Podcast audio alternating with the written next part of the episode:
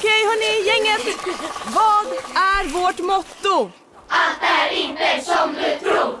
Nej, allt är inte alltid som du tror. Nu täcker vårt nät 99,3 procent av Sveriges befolkning baserat på röstteckning och folkbokföringsadress. Ta reda på mer på 3.se eller i din 3-butik. Som medlem hos Circle K är livet längs vägen extra bra. Just nu får du som ansluter dig 50 öre rabatt per liter på de tre första tankningarna och halva priset på en valfri biltvätt. Och ju mer du tankar, desto bättre rabatter får du. Välkommen till Circle K. Redo för sportlovets bästa deal? Ta med familjen och njut av en Big Mac, McFeast eller Cooper Cheese och Company plus en valfri Happy Meal för bara 100 kronor. Happy Sportlovs deal, bara på McDonalds.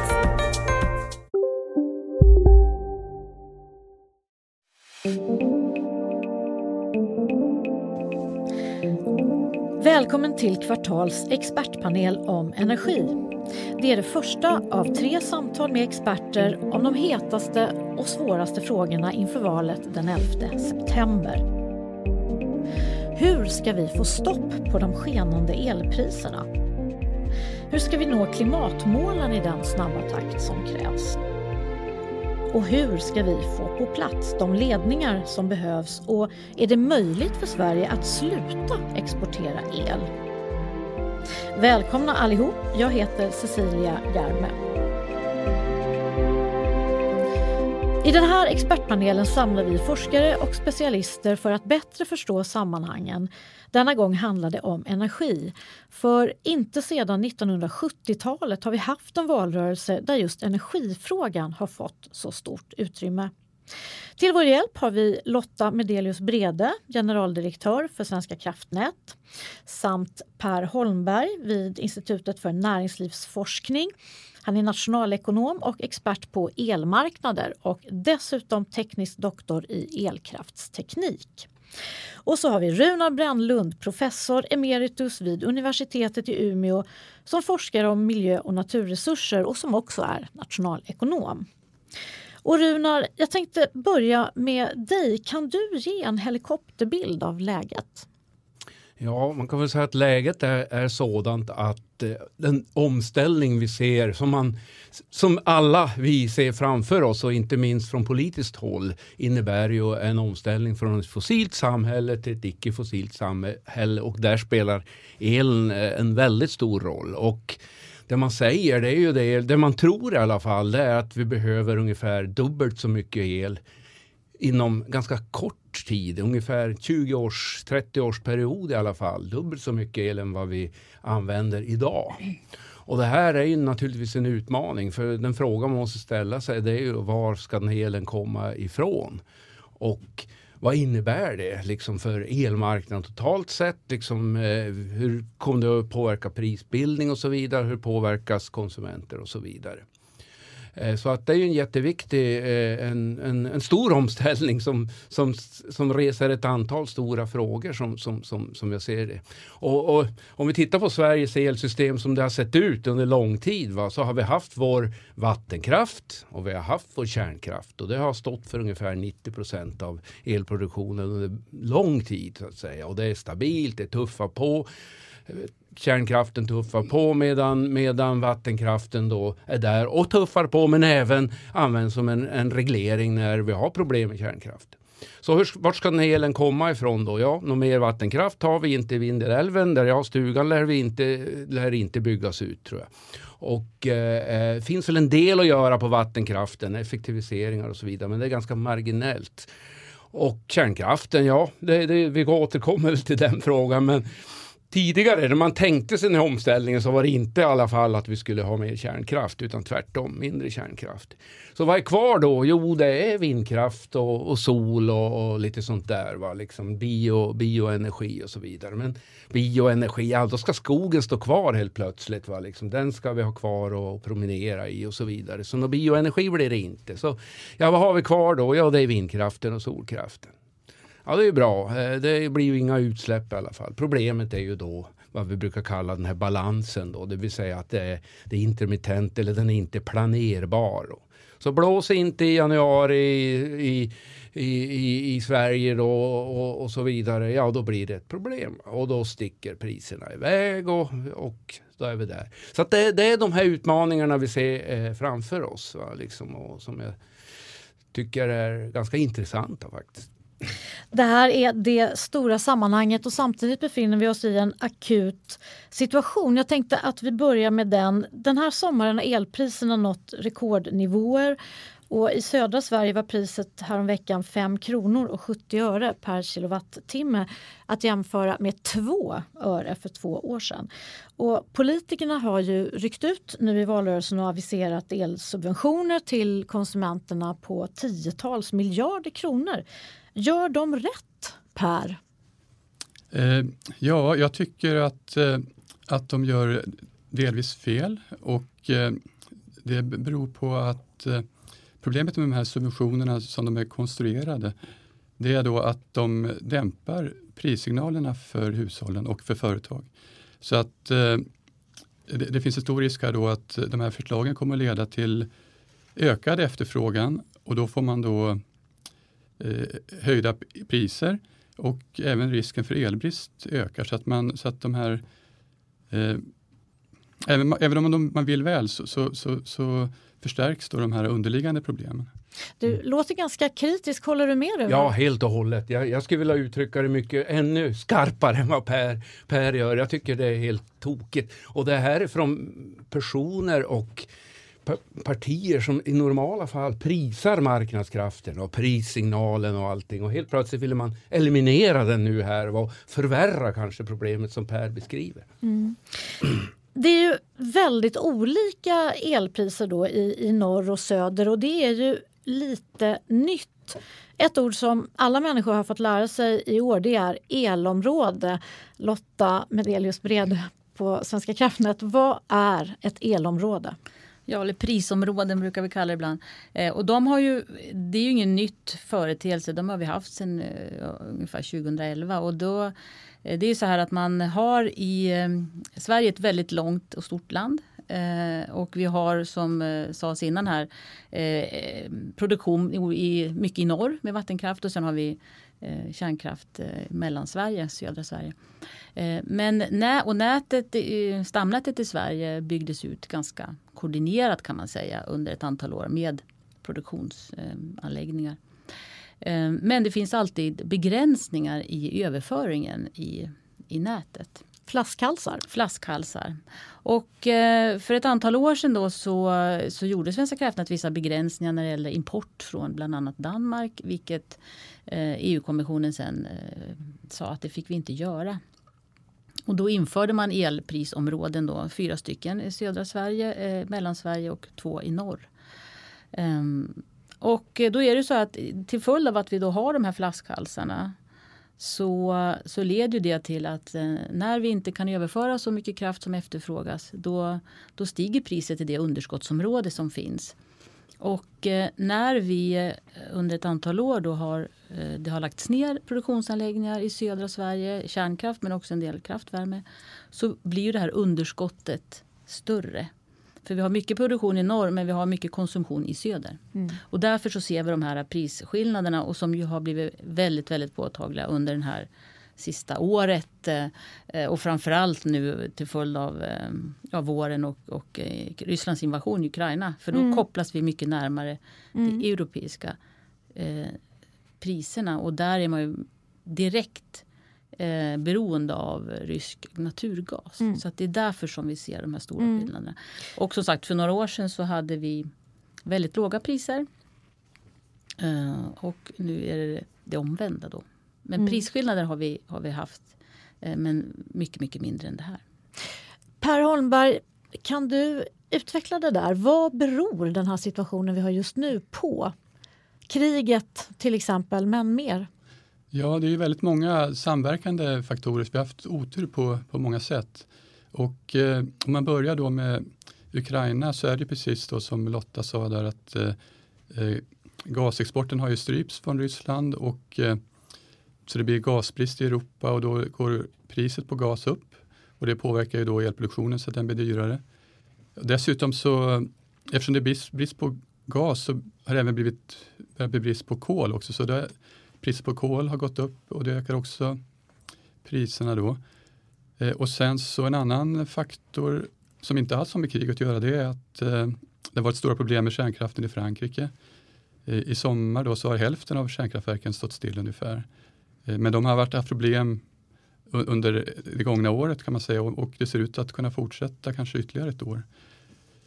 Eh, andra problem då det är att eh, det har varit eh, Varmt i, i Europa och torrt också. Så att eh, det har gjort att det har blivit svårt att kyla en del kraftverk. Så att en del kraftverk har, fått, har inte kunnat producera av den anledningen.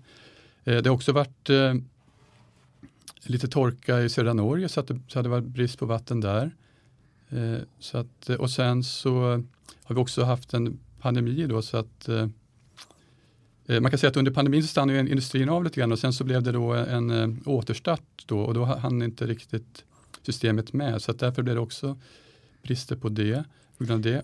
Det låter som en, en perfekt storm på ja. något sätt, alltså, eller att vi har haft väldig otur. Ja, jag tycker nu. det faktiskt. Ja. Att det har varit, och sen kan man också lägga till då att i Sverige har vi kanske mindre marginaler än, än normalt. Så att både i, i nätet och, och när det gäller produktionen. Så att eh, vi har varit liksom mer mottagliga för de här problemen som, som väl egentligen eh, främst e- egentligen är övriga Europa som har st- störst problem. Men, men i och med att vi har mindre marginaler i Sverige så drabbar det oss också hårdare. Då.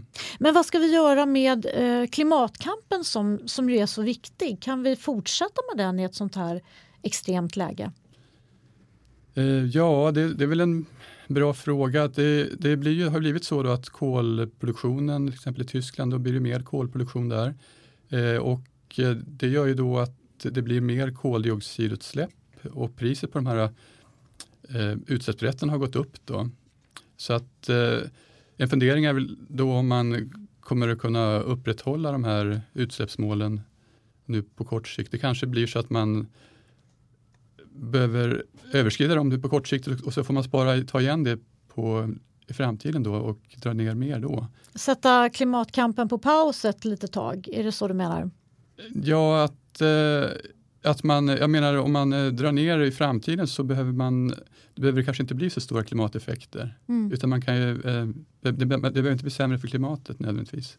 Vad säger du Runar? Ja, nej, men det, det, ligger, det, det är precis som Per säger. Men jag skulle vilja också lägga till att sett, sett i alla fall över en lite längre tidsperiod i, i Sverige och i Norden så vad vi också har sett är ju en, en förskjutning av e, elproduktionen så tillvida att den har minskat, eller inte ökat i alla fall, i, i södra delen av landet. Och en annan som jag tror blir, här kanske Lotta kan svara på eh, tydligare sen, det är ju överföringskapacitet visar vi gentemot resten av Europa. För vad vi ser är ju en ökad marknadsintegration. Så vi smittas ju i allt större grad av de gaspriser och så vidare. Det gjorde vi ju inte för, för sig 30 år sedan. Va? Då var vi ju som eh, Dagostar säger då ungefär, va? liksom ett nationellt elsystem. Så det är en.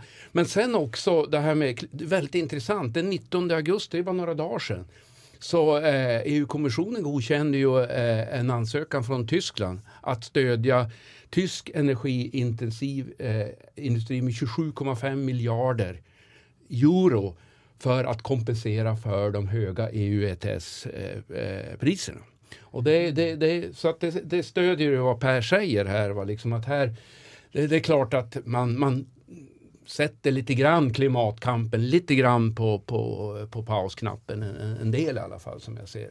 När det började bli riktigt kärvt med de här elpriserna så föreslog eh, bland annat Vänsterpartiet att Sverige skulle avbryta utbyggnaden av de här elkablarna till Europa. Helt enkelt sluta exportera el eftersom vi behöver den själva. Så om vi börjar med dig då Lotta som ansvarig för den här kabeldragningen. Vad är det för utbyggnad som pågår? Ja, för det första så har vi har ju 16 eh, utlandsförbindelser idag och de har ju enligt vår, bedöm, eller vår uppfattning de har ju tjänat Sverige väldigt väl. Det är ju så att vi har ju eh, när vi har ett underskott på effektproduktion när det är som allra kallast. Eh, och eh, till följd av bland annat att man har lagt ner kärnkraften. Det har byggts väldigt mycket vindkraft. Eh, den är inte lika till, den producerar inte lika mycket när det är som allra kallast, ser man erfarenhetsmässigt. Ehm, så att vi har ett effektunderskott och då har vi ett behov av att importera.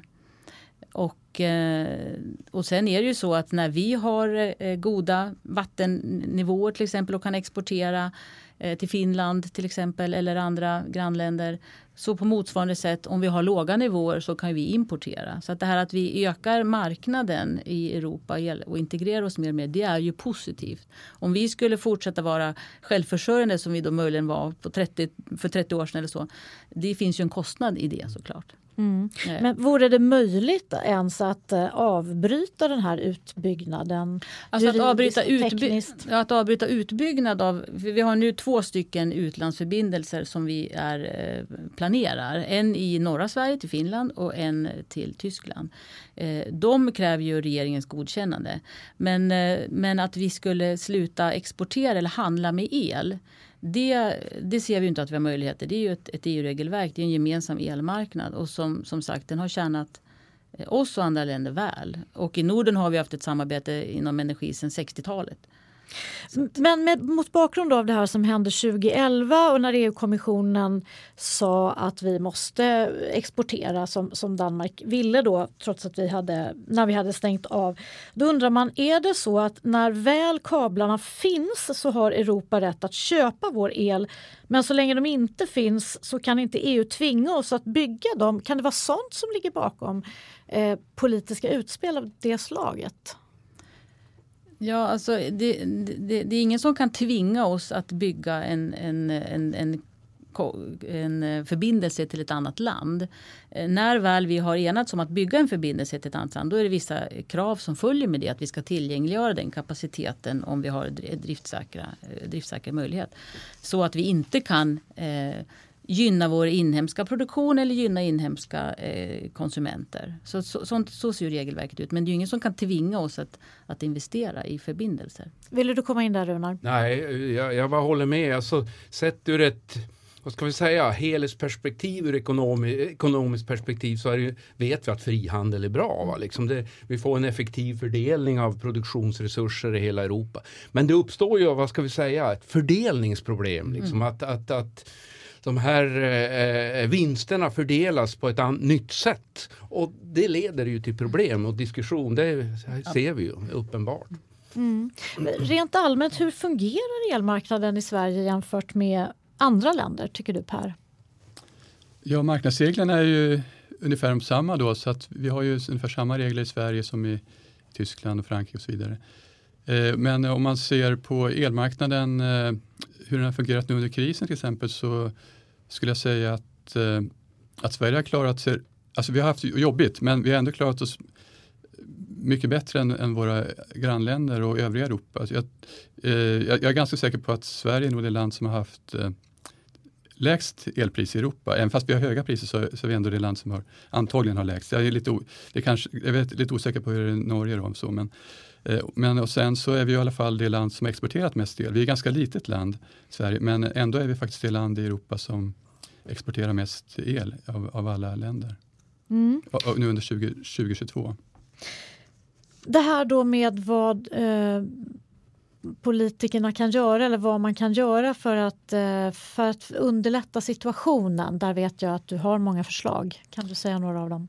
Ja, eh, det, ett första är väl då att om man ska ge stöd till eh, hushåll och företag för höga elpriser, då är det bäst att ge det här stödet så att eh, inte kopplat till eh, förbrukningen. Så att säga, så det är bättre att, att man ger stöd baserat på kanske den förbrukning man hade förra året till exempel, eller någon form av schablon. För att eh, problemet med de här förslagen som många politiska partier har gett nu då, det är att de eh, minskar hushållens intresse, ja, eh, incitament att dra ner på konsumtionen.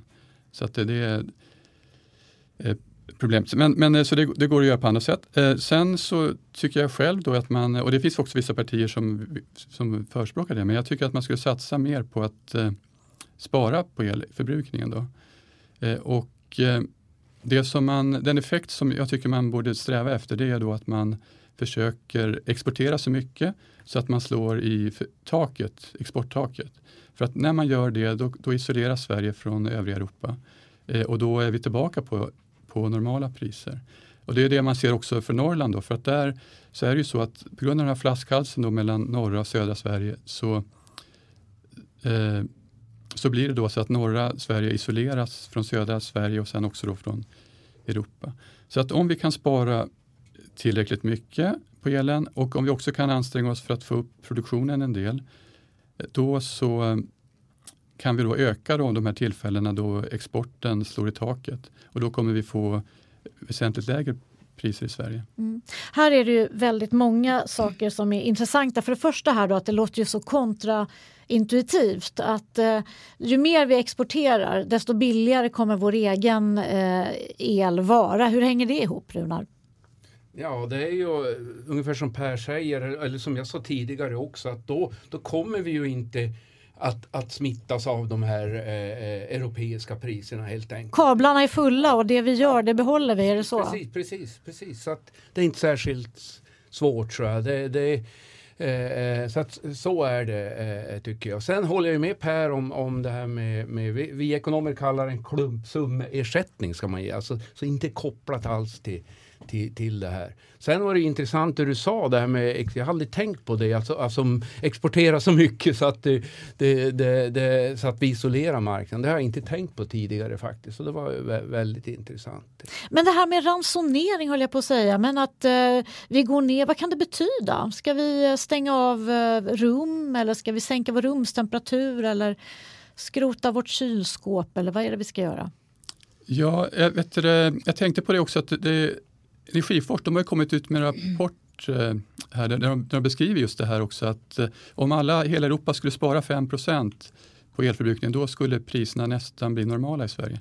Eh, enligt deras beräkningar. Då. Men, om, men om man då ska få ner konsumtionen 5 eh, om man, väldigt mycket hos hushållen då det är ju eluppvärmning och då betyder det ungefär en grad och 5% Alltså att man sänker temperaturen en grad, då sparar man så att, och eh, man, det andra stora är väl för hushåll är ju då eh, uppvärmning av vatten. Då. Och, och, där är väl också ja, att man använder 5% mindre varmvatten. Då, så att säga. Mm. Så att det är väl ungefär det. Och sen då att man gör så även inom industrin och i offentlig sektor och så vidare. Hur benägna är man, hur benägen är man att förändra sitt beteende? Eh, ja, alltså jag är övertygad om att priset spelar en väldigt stor roll. Va? Alltså, tro, tro elkonsumenter att det här kommer att bli en ganska långsiktig eller mer eller mindre permanent prisnivåhöjning så kommer man att anpassa sig ganska mycket. Och så jag tror de här besparings eller vad, vad man nu ska kalla det, effektiviseringsnivåerna man har hört talas om, va? de kommer att ske. Det är liksom hela tanken med, med marknadspriser, att de ska skicka den här signalen till besparing. Så det tror jag. Men om man ser på, i alla fall på kort och medellång sikt så ser vi den forskning vi har bedrivit kring efterfrågeflexibilitet och så. Va? Den visar ju att hushållen inte vill ändra sitt beteende på kort sikt. Man är så upplåst i sina, sin, sitt levnadssätt. Man jobbar vissa tider, man lagar middag vissa tider etc. Va? Så att det är väldigt små besparingsmöjligheter på kort sikt i alla fall, va? Liksom med den teknik vi har. Men jag tror på lång sikt så tror jag att det, om man tror att det här permanenta prishöjningar så tror jag att, att det kommer att ske saker. Va? Eh, hushållen kommer att efterfråga mer energieffektiva apparater och så vidare och det i sin tur stimulera till nya innovationer och nya apparater från, från, eh, eh, eh, eh från industrin och så vidare. Så det tror jag ju på, men, men det är på längre sikt. Men, men, men svenskar sägs ju vara så, så, så duktiga på att eh, uppfatta och förverkliga signaler om, från myndigheter. Det var ju så argumentationen var under pandemin. Så att om någon säger åt oss att vi ska sänka rumstemperaturen med ett antal grader eller eh, koka kaffet klockan 10 istället för klockan 8 varannan dag. Jag tror det är mycket effektivare om du säger att det kostar 100 spänn att koka kaffe. Jag är helt övertygad om det. Men det är ju också så att, att konsumenterna, om, om, om konsumenterna ska kunna reagera på prissignaler då måste de ju fortplanta sig. Och det är ju, nu, nu har vi det läget att, att många avtal kanske, eh, om man sitter och ska för, förhandla om sitt elavtal så, så ser man att det, att det är ett helt annan nivå än vad man har varit van vid. Det är mm. så det har, har, sett ut nu. Eh, men det är något helt nytt. För priselasticiteten är ju låg när det mm. gäller el. Men som sagt, det här är ett nytt läge och då kan man ju förvänta sig att att flera kommer att eh, ja, vara, vara mer aktiva. Men det måste också finnas den typen av avtal så att man kan, kan göra det. Eller att man har timmätning till exempel. Mm. Så att man ser hur priset varierar. I de här studierna vi gjorde på efterfrågeflexibilitet, då la vi in frågor kring kring eh, vad, eh, frågade om vad de visste liksom. Hur mycket el går det om du kör spisen si och så mycket och vad tror du det kostar att grädda en, eh, ha, använda ugnen en timme och så. Det visade att vi fick enorm spridning. En stor del hade en del kunde svara helt uppåt väggarna. Liksom det, det, man hade ingen aning. Och det, men det tror jag kan ändra sig. Speciellt som du säger om, om, om det blir mer timmätning, alltså där man direkt möter priset i, i större utsträckning. Då kommer man att lära sig liksom vad det de facto kostar. För vi vet ju väldigt väl vad det kostar att tanka bilen. Det, det har vi väldigt koll på. Ja, idag kostar det 1200 spänn. Liksom. Usch bara. Mot köra mindre. Va? Liksom det, så att, ja. Mm. Nej, men, eh, man tänker på, men jämför med bostadspolitiken i, i, till exempel. Det var ju en, en mycket mindre del av eh, som eh, ett hushåll behövde använda sin disponibla inkomst till för länge sedan. Men de senaste 30 åren har vi fått vänja oss helt enkelt och har vant oss vid en situation att det tar en ganska stor del av budgeten. Blir det samma sak med elen? Jag tror att man... Eh det, om man nu tittar på hur, hur produktionsmixen kommer utveckla sig så, så, så ser ju vi att vi får ju väldigt mycket ansökningar om att ansluta sig och bygga vindkraft till exempel. Och, och, som vi har hört innan, vindkraften har ju den egenskapen att den producerar väldigt mycket ibland och ibland blåser det inte och då producerar man mindre. Så att det visar ju att priserna kommer vara mer volatila liksom generellt framöver. Ehm, men eh, det läge vi har idag är ju, är ju, kan ju säkerligen hålla i sig ett tag eh, ute, beroende på hur kriget utvecklas. Men det är ju, det är ju svårt att tro att vi ändå kommer ha den, de här prisnivåerna eh, på längre sikt. Det, det, det, tror jag inte någon tror och hoppas såklart. Mm. Eh, men att vi däremot kommer få eh, vänja oss vid en annan typ av pris, ja, mm. volatilitet än vad vi haft tidigare. Det tror jag nog vi, vi, vi måste ja, vara beredda på och, och se.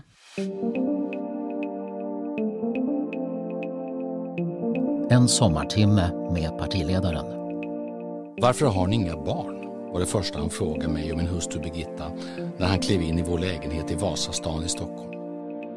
Det här är ju någonting som verkligen är ett, ett nytt normalläge som forskningen också har varnat för så länge som nu håller på att inträffa. Hej och välkommen till Sommartimma med Kristdemokraterna och Ebba Busch. Vi erbjöd alla partier en timme på Kvartals poddplattform att göra vad de vill med så länge partiledaren har huvudrollen och spelar fyra låtar. Vi har ett resultat. En sommartimme med partiledaren. Start 30 augusti. På valdagen så fattar svenska folket det beslutet. Tack för att ni har lyssnat. Vi ska ta oss in på det här just med, med kraftslagen som Sverige ska eh, satsa på för de närmaste 20 åren. Alltså ett nästan dubblerat behov av elektricitet. Mer av allt behövs. Mer vindkraft, mer kärnkraft, mer solkraft och så vidare. Men det är alltså vindkraften som ska byggas ut mest. I januari 2021 eh, för ett och ett halvt år sedan så la Naturvårdsverket och Energimyndigheten tillsammans fram en nationell strategi för hållbar vindkraftsutbyggnad. Det var 100 kilowatt, eh, förlåt, terawattimmar som det handlar om. Det motsvarar 70 procent av dagens elanvändning och merparten ska komma från vindkraftverk. Och det skulle då 2040 innebära att vi har fem gånger mer vindkraft än idag. Och sen dess har regeringen fattat en rad beslut för att det ska bli möjligt, bland annat gällande den havsbaserade vindkraften. Och eh, Lotta, din myndighet Svenska kraftnät är ju den statliga aktör som rent praktiskt ska göra det här skiftet i energiförsörjningen möjligt. Vad är det ni ska göra mer exakt? Ja, det uppdrag vi har fått då i, sen årsskiftet i vår instruktion är att vi ska bygga ut stamnätet eh, till svensk... Hej, Synoptik här. Livet med glasögon ska vara bekymmersfritt. Därför får du 30% på alla glasögon när du väljer Synoptik All Inclusive. All service ingår alltid. Välkommen till Synoptik. Big Mac har miljarder fans över hela världen. Under mer än 50 år har den skapat popkulturell historia. En legend med 100% nötkött och den mytomspunna såsen. Nu finns Big Mac för bara 39 kronor på McDonalds. Hej, Susanne Axel här. När du gör som jag och listar dig på en av Krys vårdcentraler får du en fast läkarkontakt som kan din sjukdomshistoria. Du får träffa erfarna specialister, tillgång till lättakuten och så kan du chatta med vårdpersonalen. Så gör ditt viktigaste val idag, lista dig hos Kry. Territorialgräns där vi ser att det finns möjligheter att, att det kan bidra till att uppfylla Sveriges energi och klimatpolitiska mål.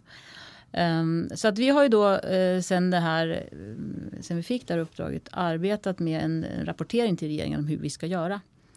Uh, och då är det ju så här att vi har ju som sagt ett nät idag och vi har ett underskott av produktion i vissa delar av landet.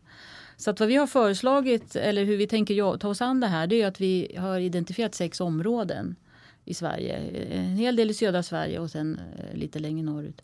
Eh, som vi kommer att tillgängliggöra för att, eh, att ansluta sig då till, till eh, nät som vi bygger ut till territorialgränsen. Och idag är det så att vi har eh, väldigt, väldigt många ansökningar om havsbaserad vindkraft till oss. Eh, vi har en total produktionsmängd ungefär som är 120 eh, gigawatt. Vilket är alltså ungefär tre gånger så mycket som vi har totalt installerad kapacitet i hela Sverige. Så det är enorma mängder. Och allt det här kommer inte bli av naturligtvis. Men det är ett stort intresse. Eh, och de har ju då områden där de ser att de vill ansluta sig. Vindkraftsproducenter. Vindkraftsproducenter. Eh, Eh, och då får vi sen se hur, vilka av de här aktörerna som de facto sen kommer att kunna ansluta sig till de här eh, plattformarna då som vi kommer att tillhandahålla. En del av de här ligger inom svensk territorialgräns, en del ligger inom ekonomisk zon, alltså lite längre ut. Så då ska de investera för att koppla sig till våran anläggning. Eh, så att vi ser att det här är någonting som vi kommer att starta nu och det kommer ta ett antal år innan, innan den första anläggningen såklart är färdig. Mm. Eh, men, eh, Hur långt ut ligger territorialgränsen? 22 kilometer ungefär tror jag. Mm. Mm. Det kan vara men det är en, en bra bit i alla mm, fall. Mm. Eh, det här att det är så många som är intresserade då mm. av att bygga. Mm. Vad beror det på? Ja, det är ju så att i och med att vi nu ska tillhandahålla stamnätet ut en bit i havet så är det en form av subvention för det kommer socialiseras på alla kunder. Eh, så det är väl ett, ett, eh, en anledning. Men sen är det så att vi har ganska goda förhållanden i Sverige. Vi har inte allt för djupt och vi har mycket, det blåser ju såklart, eh, lång kust. Så att det finns goda förutsättningar och det finns uppenbarligen ganska mycket kapital i den här sektorn.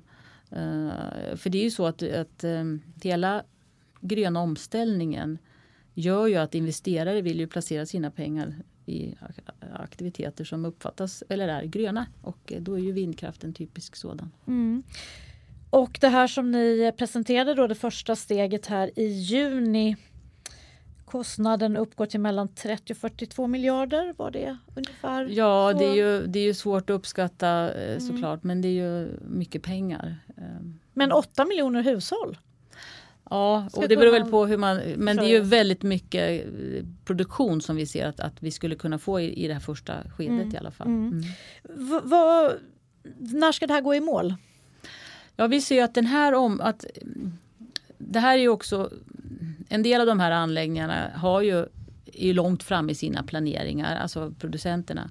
En del har redan koncession kanske. Eh, men eh, det är klart att en del av de här kommer stöta på en hel del utmaningar med tillståndsgivning. Det är många intressen som ska brytas mot varandra. Men vi ser ju att, att eh, från någon, gång 2029-2030 så skulle vi kunna ha den första anläggningen igång och sen ett antal år framåt i tiden. Mm. Det finns ju flera utmaningar för eh, vindkraften och det som ofta lyfts eller alltid lyfts och som ni redan varit inne på det är ju det här då att det är ett variabelt kraftslag, att det inte blåser alltid till exempel. Hur relevant är den här invändningen om att vindkraften är variabel och att man därför ska vara försiktig? Per? Ja, den är ju väldigt relevant tycker jag. Det är ju det som är huvudproblemet med vindkraften. Eh, och, eh, så då måste man ju då försöka hitta lösningar på det och en lösning är ju då att man har eh, sådana här reservkraftverk som Karlshamnsverket då, som kan gå, gå igång när det blåser dåligt. Sen har vi också vattenkraften då i Sverige som kan liksom parera svängningarna i vindkraften. Men eh, den, börjar väl, det, den kanske inte kommer att räcka till då, eh, om man bygger ut vindkraften väldigt kraftigt här nu.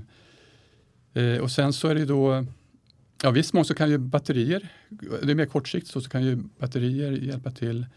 Men annars så är det då att man får ha mer långsiktiga energilager som eh, eh och då, jag, jag, läste bland annat om det här eh, Mälarenergi som då ska bygga ett stort värmelager. Då kan de eh, ett, ett, ett kraftvärmeverk då, då kan de eh, producera värme då när elpriset är lågt och spara undan värmen där. Och sen så när elpriset blir högt då kan de fokusera på att producera mer el istället. Så det finns olika lösningar som, som man kan använda för att eh, parera vindkraften. Skulle man lösa det här genom att, att skapa en överkapacitet av vindkraft? Ja, det vore också, skulle också vara en lösning, eh, precis, att man då exporterar när det, man producerar mer än vad man behöver. Och sen kan man ju då importera då när, man, när det blåser mindre. Vad säger nästa ingenjör? Nej, men det beror ju för sig på hur, återigen vad de här finansiärerna ser för, för eh, möjligheter att finansiera sin anläggning. Och, och där, där, eh, för det är klart att det, det tänker man hur mycket, hur mycket kraft behöver vi då? Eh, man kan ju inte bara producera, alltså man måste ju ha något, något, business case. Men då ser vi också det vi har varit inne på att vi har väldigt höga eh, ja, scenarier där vi tror att vi kommer behöva väldigt mycket el. Så det är klart att behovet av elproduktion i Sverige, framförallt kopplat till de här stora Mm. industrierna är ju väldigt, väldigt stort. Eh, men det som man också behöver ha när det gäller vindkraften och när man får in mer och mer såna väderberoende det är ju en hel del andra såna förmågor som, som man får av planerbar produktion eller, eller tunga generatorer som det vi pratar om rotationsenergi eller eh, spänningsstabilitet och då måste man in, införskaffa det på annat sätt.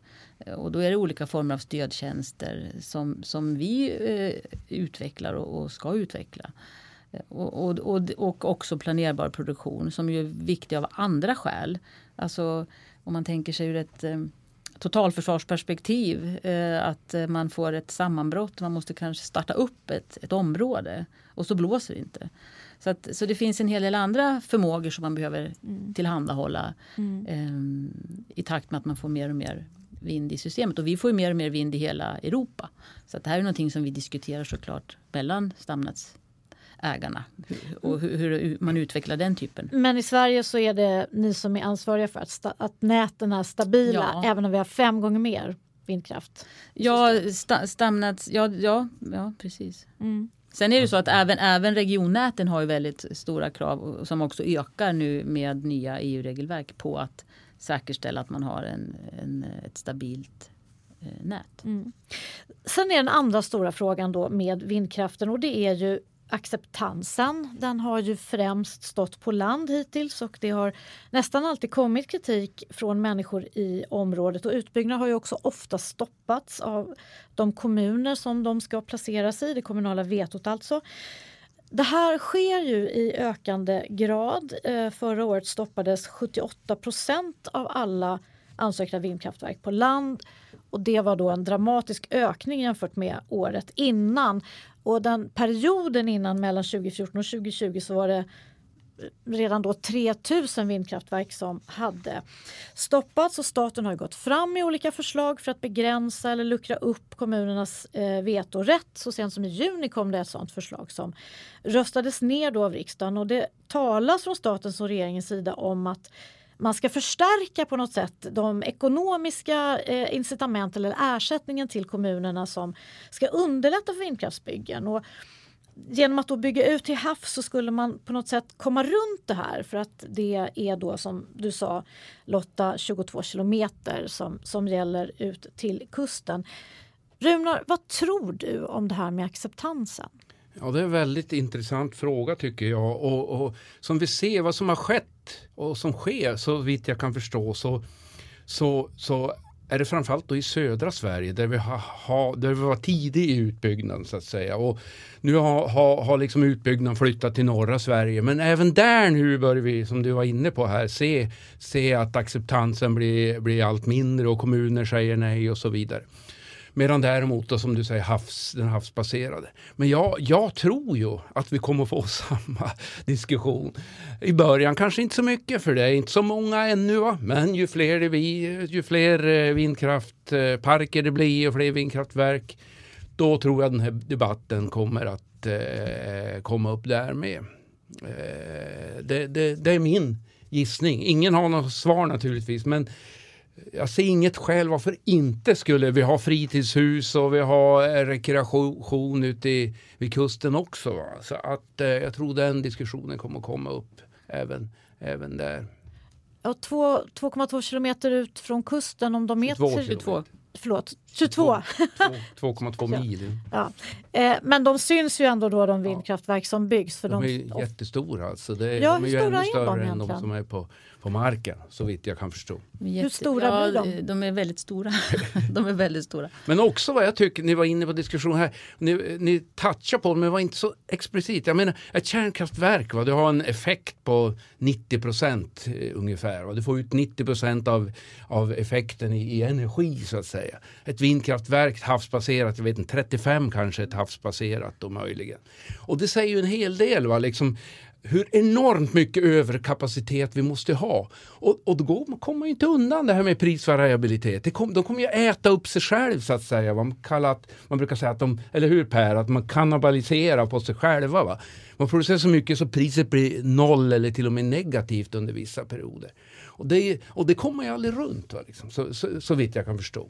Det är därför man ser den här äh, vätgasindustrin eller vätgasverksamheten också som någonting som skulle kunna vara väldigt viktigt. Dels för de här industrierna i norr som behöver det som en, en insatsvara men, men också att man producerar vätgas när, man, när det är billigt ja. eller väldigt lågt pris och sen använder man den i sina processer till exempel. Eller har det som ett lager. Vi ska återkomma till dem alldeles strax. Jag tänkte först att vi skulle prata om kärnkraften som ju nu har blivit en en ganska stor fråga faktiskt i, i valrörelsen. Vi har ju sex kärnkraftsreaktorer kvar efter stängningen av sex andra.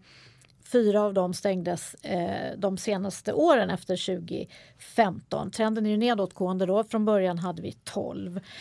Eh, de fyra oppositionspartierna till höger säger att de vill ha mer kärnkraft och nu så har Socialdemokraterna, regeringen också, Socialdemokraterna i alla fall svängt eh, precis före sommaren. Men vad ska man säga om kärnkraften? Hur står det till med den, Per? Eh, ja, jag tycker först och främst är det, ju, är det väldigt bra med de här eh, kärnkraftverken som vi har i Sverige, de, de sex som vi har kvar. Och att, eh, Varför det? Ja, de, de, är ju ett, investeringarna gjorda och eh, de går stabilt och de är också säkra. Man gjorde ju de här eh, höjde ju säkerhetskraven på kärnkraften, jag tror det var runt 2020, och, eh, så att de är ju också väldigt säkra. Så att det var synd kan jag tycka då att, att vi inte fick kanske kvar något av de andra också som lades ner.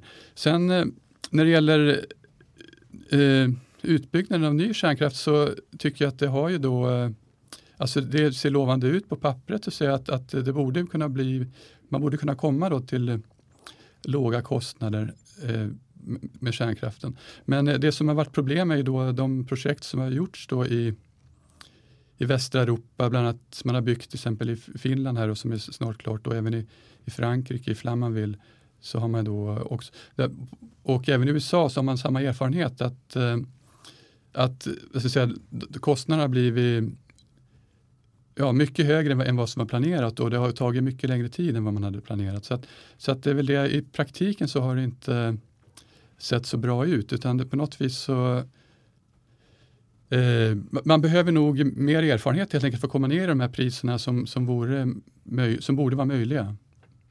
För just vindkraftsproduktionen har ju blivit billigare och billigare vad jag förstår. Ja. Det pratas ju väldigt mycket om sådana här små modulära reaktorer. Ja, just det. Eh, är det någonting vi kommer få se tror ni? Det finns väl fortfarande inte riktigt kommersiell drift någonstans än? Nej, jag tycker att det är en bra tanke där som man har. Att man, eh, för att, man kan säga att en, en anledning till att de här kärnkraftsprojekten inte kanske alltid gått så bra, det är ju det att eh, ofta när man bygger ett kärnkraftverk så blir det lite grann en, en skräddarsydd lösning. Eh, man bygger något väldigt stort och sen med olika, ja, den ska ha en viss storlek och så vidare och då blir det ju dyrt när man ska liksom bygga helt annorlunda nästa gång. Men en, en tanke med den här eh, SMR eh, kärnkraftverken då, de är ju då att eh, man bygger mer st små standardiserade eh, kärnkraftverk och man ska helst bygga exakt likadant eh, hela tiden och då borde det vara lättare att komma ner i, i, i låga kostnader. Men, men som sagt var, det som är li lite osäkert där är ju det att eh, det finns väl egentligen ingen som har byggt en sån eh, SMR-reaktor varken i Västeuropa eller USA. Det finns ju då i Ryssland och Kina och på ubåtar och, och hangarfartyg och så vidare. Men eh, det är liksom ingen som riktigt har, det är lite, lite grann av en pappersprodukt än så länge skulle jag säga. Eh, vi ska gå vidare till det här som Lotta tog upp alldeles nyss och det är de här stora eh, industriprojekten som finns nu i norra Sverige. Den svenska stålproduktionen ska ske med vätgas istället för med kol och eftersom stålindustrin både i Sverige och globalt är stora utsläppsbovar så är ju det förstås eh, viktig. Man kan minska koldioxidutsläppen med flera miljarder ton här. Och Sverige är ju då ändå en eh, anrik gammal stålproducent sedan århundraden, höll jag på att säga. Järn var det väl då från början. Och om detta kan göras på ett grönt vis så vore det naturligtvis eh, väldigt bra. Men för att göra den här vätgasen krävs det väldigt mycket el som då inte får vara allt för dyr som du sa Lotta. Ja, vad, vad tror du Runar? Du är ju därifrån själv höll jag på att säga. Ja, nej, men det, här, det här är ju väldigt spännande och de projekt man har annonserat om i Kiruna, Boden, Luleå, Skellefteå och så vidare. Eh, bara LKABs eh, planer på grönpellets. Jag såg någon eh, siffra där, upp mot 100 terawattimmar el skulle de behöva då och, och det är då i form av... Pellets är inte kaninmat ska vi påminna nej, med det här nej, sammanhanget så, utan det är eh, järn. Järnmalm. Eh, och, och, och, och, och till det har man då tänkt sig att man ska använda vindkraft för att producera vätgas då som sagt var. Och det där det skulle ju kunna i princip funka av, av det skäl jag nämnde tidigare. Liksom att vi har den här i vissa perioder så är vet, eh, elen väldigt billig på grund av överproduktion av, av elkraft. Va? Och, eh, därmed kan man, givet att man kan lagra då den här vätgasen naturligtvis, men om vi utgår från det. Vad jag då vad vi har lyft fram i alla fall en del farhågor kring det är ju som rör dock Svenska kraftnät. Det är ju den här utbyggnaden av el i både från norr till söder i Sverige och från södra Sverige och till resten av Europa. Det vill säga om vi får en ytterligare ökad marknadsintegration både inom Sverige och mellan Sverige och kontinenten. För vad händer då? Jo, vi kommer att få en prisutjämning. Va? Vi kommer att få en högre prisnivå tror, eh, tror jag. Va? Och då, då kom kalkylen kanske att se lite annorlunda ut för att göra de här eh, vätgasen och därmed det här fossilfria stålet och så vidare. Så där ser jag en, en intressant fråga eller utmaning eller vad man ska säga. Mm. Vad säger du Per? Eh, jo, men jag håller med. Och jag tänker också att en annan utmaning som jag tycker är knepig, det är just det att man tajmar då den här utbyggnaden av elproduktionen med för de här anläggningarna ska ju ta så mycket el så att det gäller ju att tajma då så att man bygger ut elproduktionen så att det liksom tajmar med, med att de här anläggningarna drar igång. Mm. Mm. Det låter som det kan finnas lite matchningsproblem ja, där, eller vad man ska säga. Men sen också, eh, vi tog upp, pratade om acceptansfrågan tidigare, vindkraft. För som jag nämnde det här exemplet med LKAB i Kiruna. Jag gjorde en snabb servettkalkyl bara med 30% effektivitet i ett vindkraftverk. Så blev det ungefär 6000 vindkraftverk. Och då tänker de sig där, LKAB, att det ska placeras där, runt Kiruna. Och ja, redan nu är det problem med acceptans i Kiruna och, och konflikter med, med rennäring och så vidare. Och jag ser inte hur det här ska gå ihop riktigt. Helt enkelt. När man får sitta här med eh, experter så får man ju också vara den som ställer de lite naiva frågorna. Så jag tänkte vara den som, som får göra det då. Vi har, det låter som att vi har ett bekymmersamma tio år åtminstone framför oss innan vi har löst den här situationen på något sätt eller innan innovationerna har kommit till vår hjälp. Acceptansproblemet först då med vindkraften. Vore det en lösning att sätta upp de här eh, tillfälliga vindkraftverk som man vet i förväg att de bara får stå i tio år och, och sen tar man ner dem. Skulle det vara möjligt? Jag tror det är för dyrt, blir för dyrt. Det är min gissning. Alltså, jag menar, du ska bygga fundament och, och det ena med det tredje. Va, liksom. men, men det är, jag vet inte, men, men det är min första spontana reaktion att det här blir väldigt kostsamt. I alla fall räknar man väl med att de ska driva driv, en drifttid på 25 år ungefär. Tror jag är väl en normal. Jag vet inte vad ni andra säger, men det är ungefär siffror jag har hört. Att 10 år, då, då blir det ganska kort drifttid. Men om elpriset stiger? Ja, ja visst, visst. Är det tillräckligt högt så då lönar sig ju allt. Ja, vill den andra ingenjören ha en gissning? Nej, men jag tänker också att alltså, när, man, när, man, när man bygger en vindkraftpark som vi har, det är ju väldigt stora anläggningar. Eh, då ska ju de också ansluta sig till, till våra nät eh, eller till regionnät som ska ansluta eh, vidare till oss. Och det är klart att om man tänker sig att det, att, att, vi, att, att det är då någonting som bara ska finnas i tio år, då har man gjort en en nät eller systemförstärkning. Vi har ju enorma sådana planer för att hantera det här. Då, eh, så, det tror jag inte så är väl använda pengar faktiskt. Det är inte helt realistiskt helt enkelt? Nej, det tror jag inte. Va, vad tror Per? Ja, jag menar, jag, har, jag, får, jag får erkänna att jag har tänkt liknande tankar då om att man skulle, att man, med att det skulle kunna vara en, eh, en väg. Men, men eh, jag har ingen aning faktiskt om hur, hur, hur hur det skulle förändra kostnadskalkylen då för, för, kraft, eller för vindkraftverken.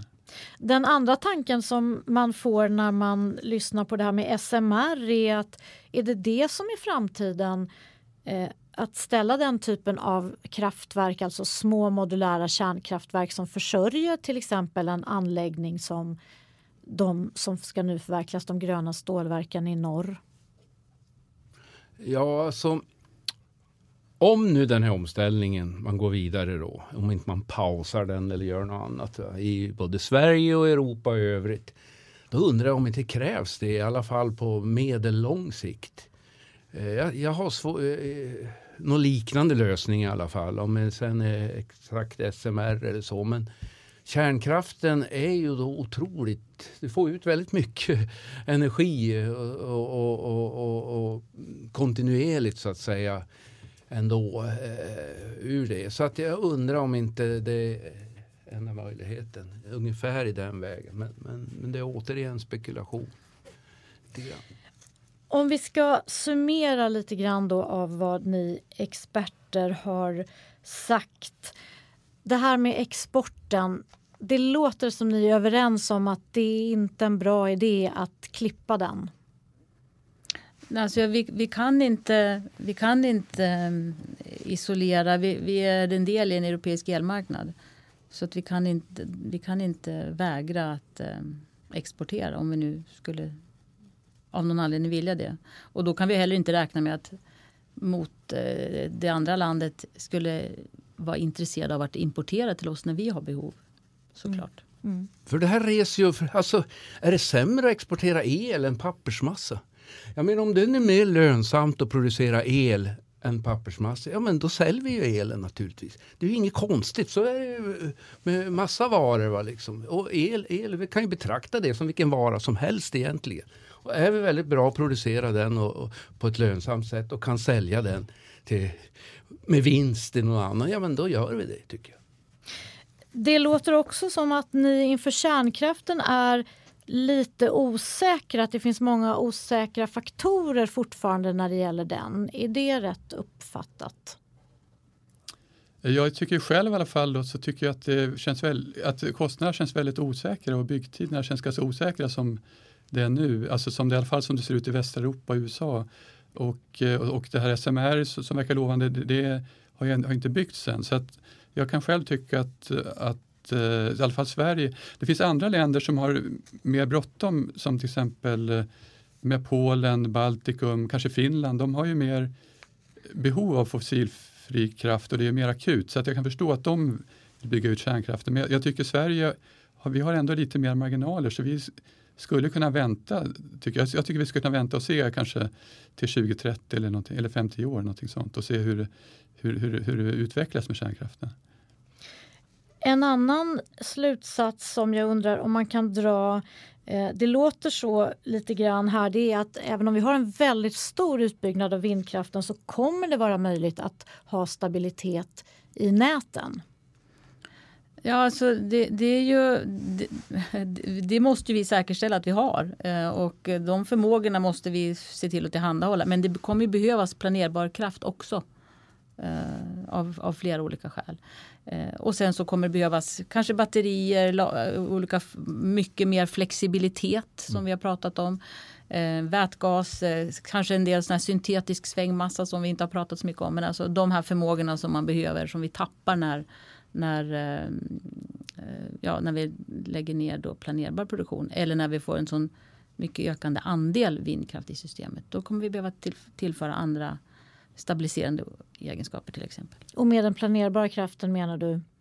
Planerbar kraft är ju sånt som man kan starta som man vill. Eh, kraftvärme, turbiner, kärnkraft, eh, vattenkraft om vi nu har tillgång till vatten i magasinen. Så att sånt som inte är beroende av mm. sol eller vind. Men den totala, det totala systemet kommer att gå ihop låter det som. Du säger att vi måste klara det.